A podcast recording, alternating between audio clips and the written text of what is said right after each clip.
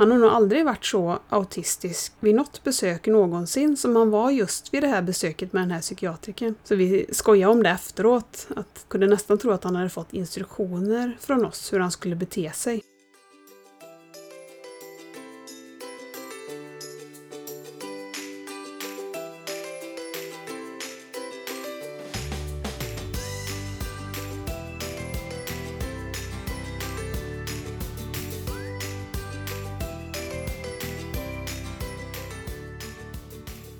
Varmt välkomna till det tionde avsnittet av Nordlyckans podd. Det känns helt eh, galet att det redan är tionde avsnittet. Jag känner mig både glad och stolt och lite generad över att ni är så många som lyssnar på podden. Idag ska jag berätta hur det gick till när Vide fick sina diagnoser fastställda. Så då kör vi igång veckans avsnitt.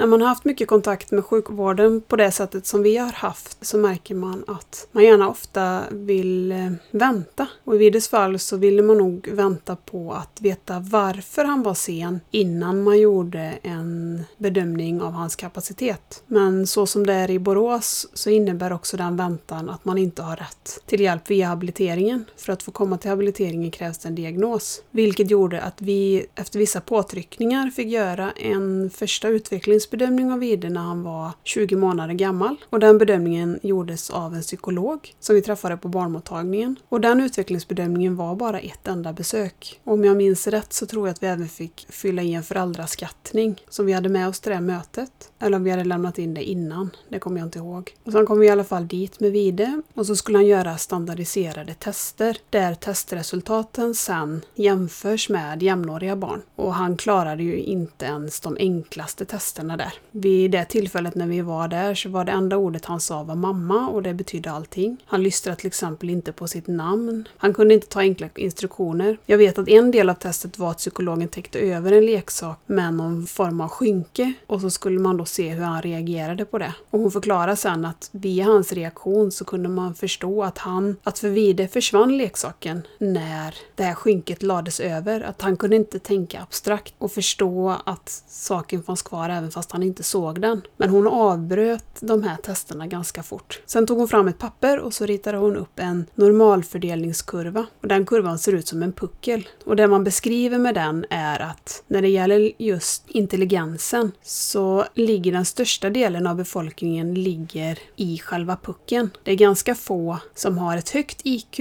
och som ligger långt fram i nedre delen av pucken. Och det är ganska få också då som har en låg IQ som ligger i början av pucken långt ner. Men hon pekar ju på den här och han var ju längst bort i hörnet i stort sett. Till vänster då på den här pucken. Bland de barnen som har lägst IQ. Och sen sa hon också att i vanliga fall så brukar hon träffa barn två gånger. Men att i Vides fall var det så tydligt att han var sen att hon tyckte att det räckte med ett besök. Och ändå satte hon bara lindrig utvecklingsstörning. Och det ifrågasatte vi och då påstod hon att hon inte kunde sätta någon annan diagnos på honom. Att de tre diagnoserna hon hade möjlighet att sätta var lindrig utvecklingsstörning, ADHD eller autism. Och att de tre diagnoserna i sin tur då går in i varandra och ritade tre cirklar där liksom varje cirkel gick in i de två andra cirklarna. För att illustrera att vissa symptom finns på alla tre diagnoser. Men att hon tyckte att det i första hand var en utvecklingsstörningsdiagnos som hon ville sätta på Vide och att det kunde bli så att han kunde få tilläggsdiagnoser längre fram. Jag vet inte om det är resursen som är fel, att hon inte kan sätta en måttlig eller svår utvecklingsstörning bara på det besöket och att hon inte kan sätta en autismdiagnos bara på det besöket. Att det hade krävts kanske en förskoleobservation till exempel och att det här var snabbvägen in till habilitering habiliteringen. Att vi fick den lindrig utvecklingsstörningsdiagnosen. Men eftersom vi fick den diagnosen, som vi ansåg var felaktig, så tror jag också att det har varit svårare för oss att få hjälp. För i samband med att vi fick den diagnosen så ansökte vi om avlösarservice via kommunen som vi blev nekade. Kan jag blivit nekade det på grund av Vides låga ålder, men det kan ju också ha varit så att det inte hjälpte oss att det stod lindrig utvecklingsstörning. Att en låg ålder och en lindrig utvecklingsstörning inte var tillräckligt för att kunna få någon hjälp via kommunen kommunen just då. Sen var det också så att när vi kom till habiliteringen så var det ju den enda diagnosen Vide hade. Och man plockas ju in i team där, så är det i alla fall i Borås, utifrån diagnos. Så att dels så tyckte vi nog att de var, verkade förvånade över att han hade ett sånt svårt motoriskt handikapp. Och också förvånade över att han kunde så pass lite med den diagnosen. Och att vi tycker kanske att de ibland inte har sett Vide. Särskilt de personerna som inte egentligen har träffat honom utan som har bara läst i hans papper. Att det har blivit missförstånd där. Till exempel så var det en specialpedagog som sa till oss vid ett tillfälle när jag ville gå den här kursen Lek för alla sinnen som jag berättat om i ett tidigare avsnitt. Hon sa att ja, jag vet inte om det passar Vide. Det är nog lite för låg nivå för honom. Och då tänkte jag att vadå för låg nivå? Han leker ju inte alls. Så vilken nivå ska man vara på för att gå den här kursen? Och även den läkaren som vi har träffat med Vide vid ganska många tillfällen, som vi har haft med oss från barnmottagningen upp till habiliteringen, sa vid ett möte att när vi bad om att få en autismutredning att ja, men han har ju så fin ögonkontakt. Och då har man inte sett honom. Och det ligger ju också så mycket mer i en autismdiagnos än ögonkontakten.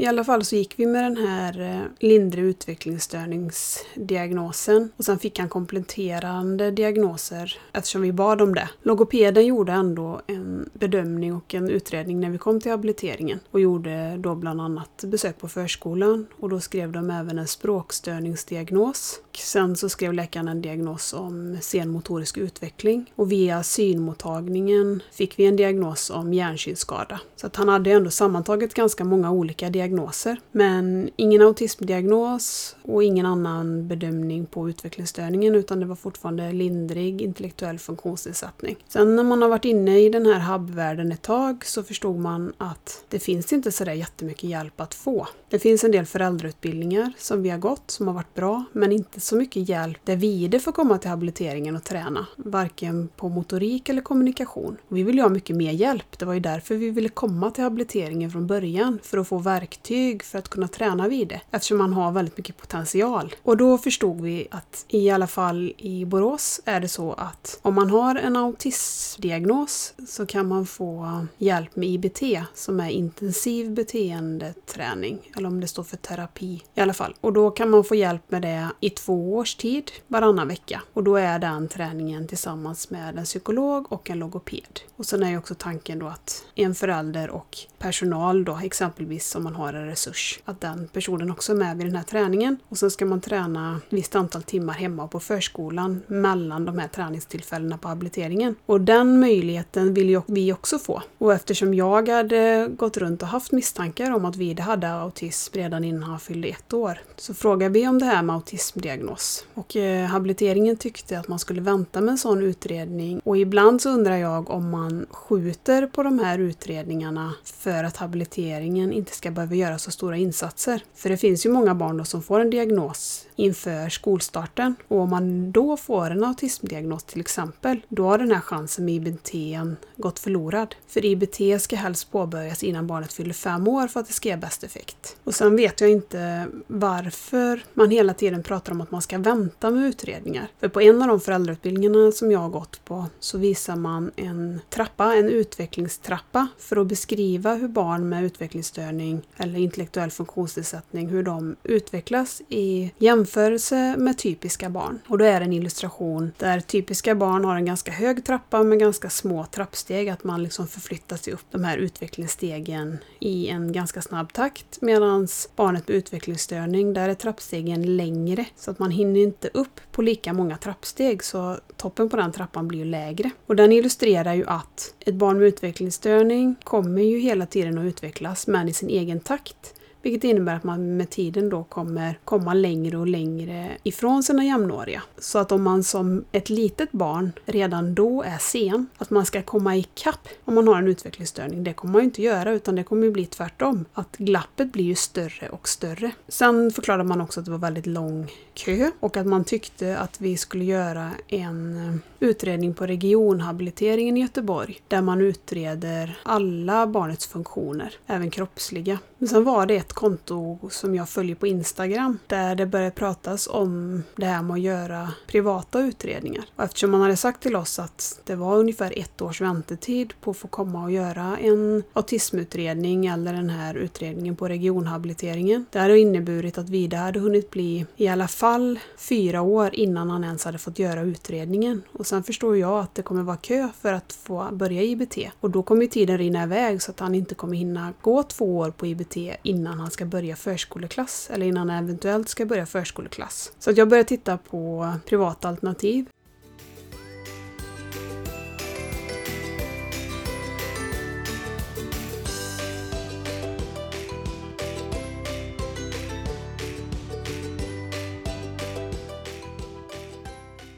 I vissa landsting är det tyvärr så att, att göra en privat utredning kostar en väldig massa pengar. Men vi hade sån otrolig tur att i vår region här i Västra Götaland så fanns det faktiskt möjlighet att göra privata utredningar på flera olika ställen, bland annat både i Göteborg och i Skaraborg. Men sen fanns också Smart psykiatri som var väldigt nyöppnat i Borås. Så från att jag skickade en egen remiss till att vi hade Vivides diagnos på papper gick det tre månader. Och det är ju galet fort. Jag tror att, att vi kanske hade lite lite flax då. Att det var väldigt snabb handläggningstid. Men bemötandet därifrån, det var ju så natt och dag mot hur vi hade blivit bemötta på habiliteringen där man egentligen ifrågasatte lite varför vi ville ha en annan diagnos. Och där man tyckte då att man skulle vänta. För jag skickade in alla de papperna vi hade på Videsen tidigare. Och den eh, kvinnan som jag pratade med där, som var samordnare, hon sa att enligt hennes eh, bedömning så hade man kunnat skriva en annan diagnos bara på de papperna som Vide redan hade. Att man hade kunnat skriva en måttlig eller en svår utvecklingsstörning bara grundat på de intygen vi hade. Att kombinationen av lindrig utvecklingsstörning och språkstörning när ett barn inte har något tal, det tyckte hon var en märklig kombination. Den utvecklingsbedömningen som man gjorde där på Smart psykiatri, först fick vi föräldrar göra en, eh, också en ny sån föräldraskattning. Jag skulle gissa att det var samma formulär som vi fick skriva i när han var 20 månader. Man får skatta en väldig massa egenskaper. Det är kommunikation, socialt, motoriska färdigheter. Och så får man poäng utifrån det. Som inte vi räkna ut utan man lämnar in den och sen så tittar väl psykologen på den. Och det är svårt med de här bedömningarna för att man ska bedöma det utifrån vad Vide klarar av utan stöttning och förberedelse. Henrik vill gärna se det bästa i Vide och det vill jag också. Men vi, det var, blev mycket diskussioner när vi skrev i det här formuläret vad han faktiskt kan och vad han bara kan om han har fått väldigt mycket stöd. Sen träffade jag och Henrik psykologen för en föräldraintervju där vi fick berätta om Vide och hon ställde en massa frågor. Och sen så gjorde psykologen en förskoleobservation där psykologen var på förskolan när Vide redan kom för att hon ville även se hur han var i det här överlämnandet när Henrik vid det här tillfället då lämnar Vide, hur Vide betedde sig då och hur han betedde sig mot henne som var en ny person och just det här kring det sociala. Och Vide, han, när man kommer till förskolan så nästan alltid så vill han ju bara gå rakt in. Det är ju inget hejdå på det sättet. Han tittar ju inte efter oss. Vi ropar ju alltid efter honom. Hej då Vide! Och kanske talar om vem som ska hämta. Och sen eh, någon dag senare så fick vi även träffa en psykiatriker tillsammans med Vide, också på samma mottagning där i Borås. Och inför det besöket så hade jag inte förberett Vide någonting. Nu vet jag inte om ni hör att det regnar här utanför. Det gör det i alla fall, det ösregnar. Ja, eh, inför det besöket så hade jag inte förberett vidare. Vi talar ju om att vi ska träffa en läkare, men inget bildstöd. Och han har väldigt eh, svårt, eller i perioder svårt, för sjukhusmiljöer. För det är en orolig miljö, han vet inte riktigt vad som ska hända och han har fått genomgå en väldig massa olika undersökningar och provtagningar. Så så fort vi kom in i det här väntrummet så började han skrika. Så han fick mutas med kakor. Det är ju sjukvårdspersonal eh, första hjälpen-kit när det gäller skrikande barn. Att de frågar om de får bjuda dem på något att äta. Vida har ju fått kakor på alla möjliga ställen. Både på hjälpmedelscentralen och på läkarbesök och även nu då här på SmartPsykiatri så fick han ju också kakor från fikarummet. Och med en kaka så lugnade han sig och sen så gick vi in i det här rummet och eh, då fanns det ju en eh, dörr där som speglade sig och där stod han i stort sett hela besöket och speglade sig så att jag kan säga att han har nog aldrig varit så autistisk vid något besök någonsin som han var just vid det här besöket med den här psykiatriken. Så vi skojade om det efteråt att kunde nästan tro att han hade fått instruktioner från oss hur han skulle bete sig. Han ignorerade henne fullständigt och när hon väl fick honom att komma fram till henne då, för hon hade ju kakorna, då gick han väldigt nära henne. Och det beskrev hon för oss sen att han har ju inte den här känslan för den privata sfären utan han kom ju närmare än vad kanske ett annat barn hade gjort med en okänd människa. Och sen sista delen i den här bedömningen var ett återgivningssamtal med psykologen. Och i vanliga fall så uppfattar jag det som att man gör inte en förskoleobservation eller man gör i alla fall inte bara en förskoleobservation utan man gör också standardiserade tester på det samma sätt som Vide fick göra när han var 20 månader. Nu var han ju tre och ett halvt när vi gjorde den här andra utredningen. Men att bedömningen var att han var på en sån låg nivå att det skulle inte gå att genomföra tester med honom. Så bara där förstod vi ju att de tänkte som vi, att en lindrig utvecklingsstörning inte matchade hans svårigheter. På det här återgivningssamtalet så fick Vide diagnosen svår intellektuell funktionsnedsättning eller svår utvecklingsstörning. Båda de diagnoserna står i papper. Och sen fick han även en diagnos om autism nivå 2.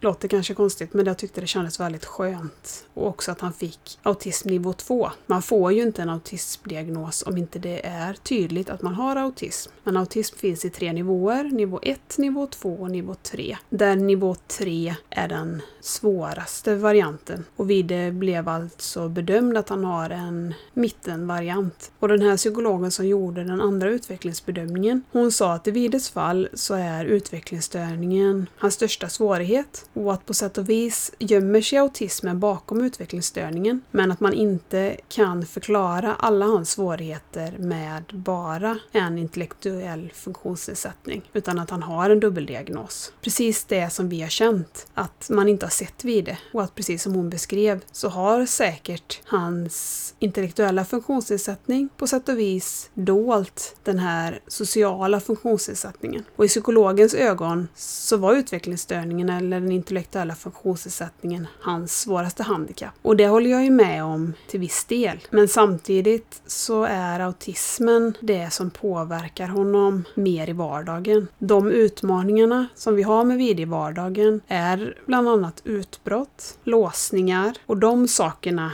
har ju med autismen att göra och inte med utvecklingsstörningen att göra. Sen förstår jag vad hon menar för att det är ju ändå utvecklingsförseningen eller den intellektuella funktionsnedsättningen som gör att han inte klarar av saker praktiskt. Att han inte förstår vad vi säger. Men samtidigt, om han inte hade haft autismen så hade han kanske haft förmågan att imitera. Till viss del kanske den här otroliga kravkänsligheten som han har, den har kanske också med autismen att göra. Autismen gör också att människor har svårt att förstå honom just därför att han kanske inte söker ögonkontakt. Och det som utmärker honom mest ifrån det som man kallar för normalt är ju hans stimmande där han dels låter på ett monotont sätt och sen så har han ju handviftningar, han slår med fötterna, han har också en del olika tics för sig. Han sitter ofta och gungar lite fram och tillbaka. Alla de sakerna har ju också med autismen att göra. Så jag tänker ändå att autismen är hans största svårighet i vardagen.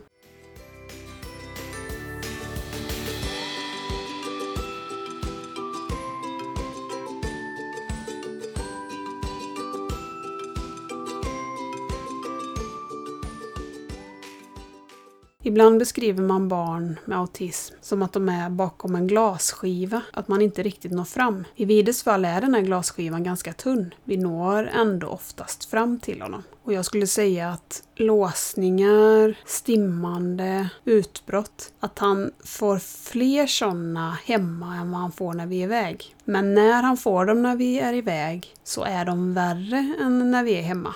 Innan vi fick Vida hade jag ingen uppfattning om de olika nivåerna på intellektuell funktionsnedsättning. Och det finns eh, fyra olika nivåer. Det finns lindrig, måttlig, svår och grav. Där vi då, då har nivå 3 av 4. Och jag får ibland frågor om vad Vide kan och inte kan utifrån att man kanske har misstankar om att ens eget barn också har kanske en dubbeldiagnos där man redan har fått antingen en intellektuell funktionsnedsättning eller en autismdiagnos. Men att man som förälder tror att det precis som hos Vide finns dubbla svårigheter. Sen är det ju hos Vide så att han också har en synnedsättning och ibland är det svårt att veta vilket är det som är det egentliga problemet. Men Vide klarar väldigt enkla uppmaningar. Till exempel om han sitter inne i soffan. Att man kan komma in och tala om för honom att nu ska vi äta och nu ska vi fika. Och att han då kan kliva ur soffan och följa med ut i köket. Man kan be honom att ge mig någonting som han håller i handen. Men jag kan inte be honom gå och hämta någonting. Eller att peka på någonting. Eller att gå till ett visst rum. Så det är väldigt få enkla uppmaningar han klarar av. Sen kan han inte pussla.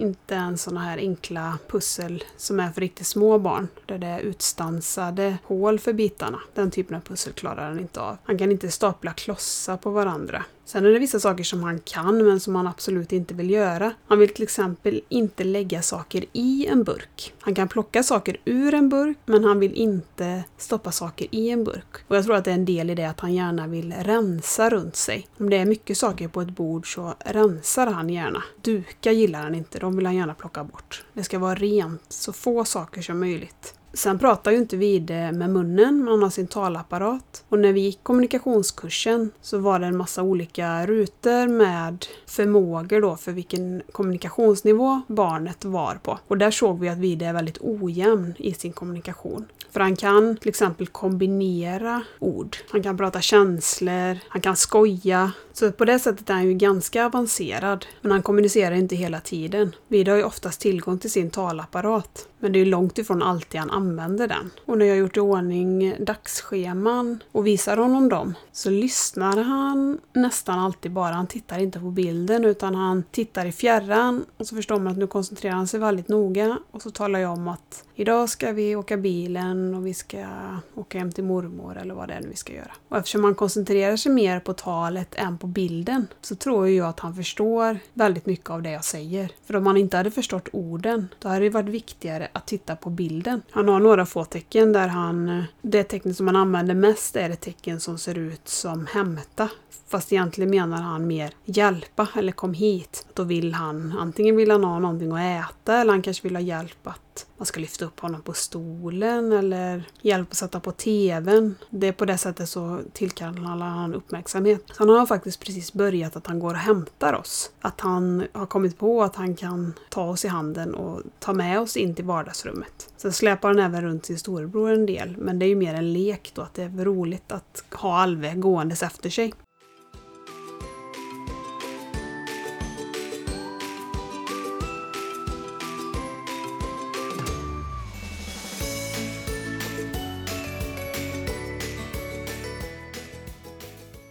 Sen får man hela tiden höra att, i alla fall från Försäkringskassans håll, att diagnoserna inte ska spela någon roll, att det är svårigheterna som ska avgöra hur mycket stöd man får. Men det kan man ändå räkna ut att det gör skillnad vad det står på pappret. Om en psykolog har gjort en bedömning att ens barn har en lindrig utvecklingsstörning eller om psykologen har gjort en bedömning att den har en svår utvecklingsstörning. Det är klart det spelar roll. Oavsett hur mycket jag beskriver hur det fungerar så kommer det spela roll vad det står i hans papper. Och det tänker jag att det borde också till exempel personal på habiliteringen förstå. Att vad det står i intygen spelar väldigt stor roll. Och tyvärr så har vi inte så jättestort förtroende för den läkaren som vi träffar på habiliteringen. Dels var det den här kommentaren med att han har så fin ögonkontakt. Sen i senaste intyget som vi fick så hade hon ju skrivit att han inte hade någon synnedsättning. Och då blir man lite trött. Att man ska börja förklara för henne att jo, men han har ju fått en konstaterad hjärnsynsskada. Det påverkar honom hela tiden.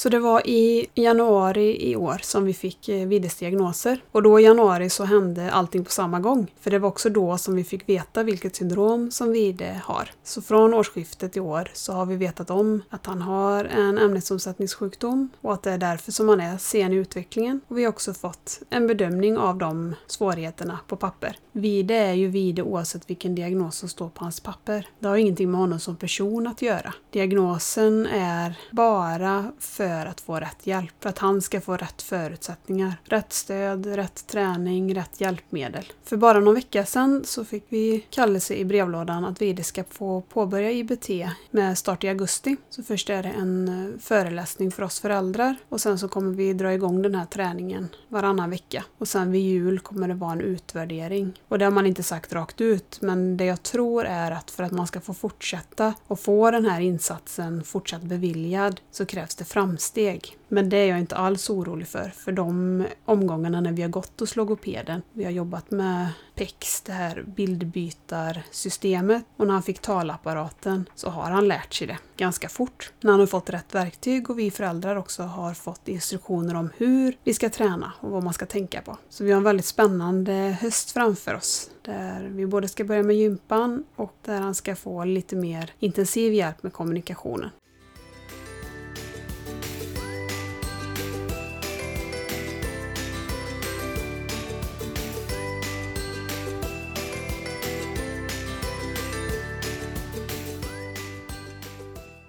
Just nu har vi den period där han är väldigt eh, ljudkänslig. Eller han har kanske alltid varit väldigt ljudkänslig, bara att han nu har hittat ett sätt att förmedla det tydligt, att han sätter händerna för öronen. Och vi sa att eh, det är tur att vi inte bor i stan, för igår när vi var nere på stan och fika, varje bil som åkte förbi satte han händerna för öronen. Och jag berättade att jag köpte ett par hörselkåpor till honom och ja, det går inte jättebra. Han är ju en sån, eh, ett sånt barn som under vinterhalvåret aldrig har mössa på sig. Så det är kanske lite naivt av mig att tro att han skulle ha på sig de här hörselkåporna, även om de ska vara bekvämare än de han hade sedan innan. Mina följare på Instagram har gett mig lite olika tips. Dels brusreducerande hörlurar och att det finns både vax och silikon som man kan rulla till bollar och stoppa i öronen. Om man har svårt att få det att sitta fast, att man finns speciella pannband som man kan sätta över öronen. Och det här med pannband är uteslutet. Men vax och silikon har jag köpt hem och vi håller på att experimentera lite grann med det. Tyvärr så behöver vi ha en ganska stor klump för att det ska sitta kvar. Men en stor klump innebär att han lätt får tag i det och plockar ut det ur öronen. Jag hoppas att vi ska komma fram till det att han själv kommer tycka att det är skönt att få någonting i öronen för att det dämpar ljudet och kanske till och med ber om det. Där är vi inte riktigt än.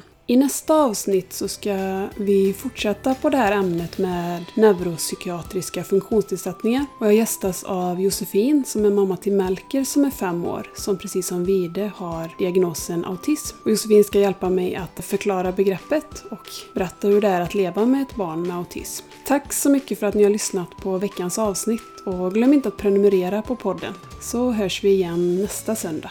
Puss och kram!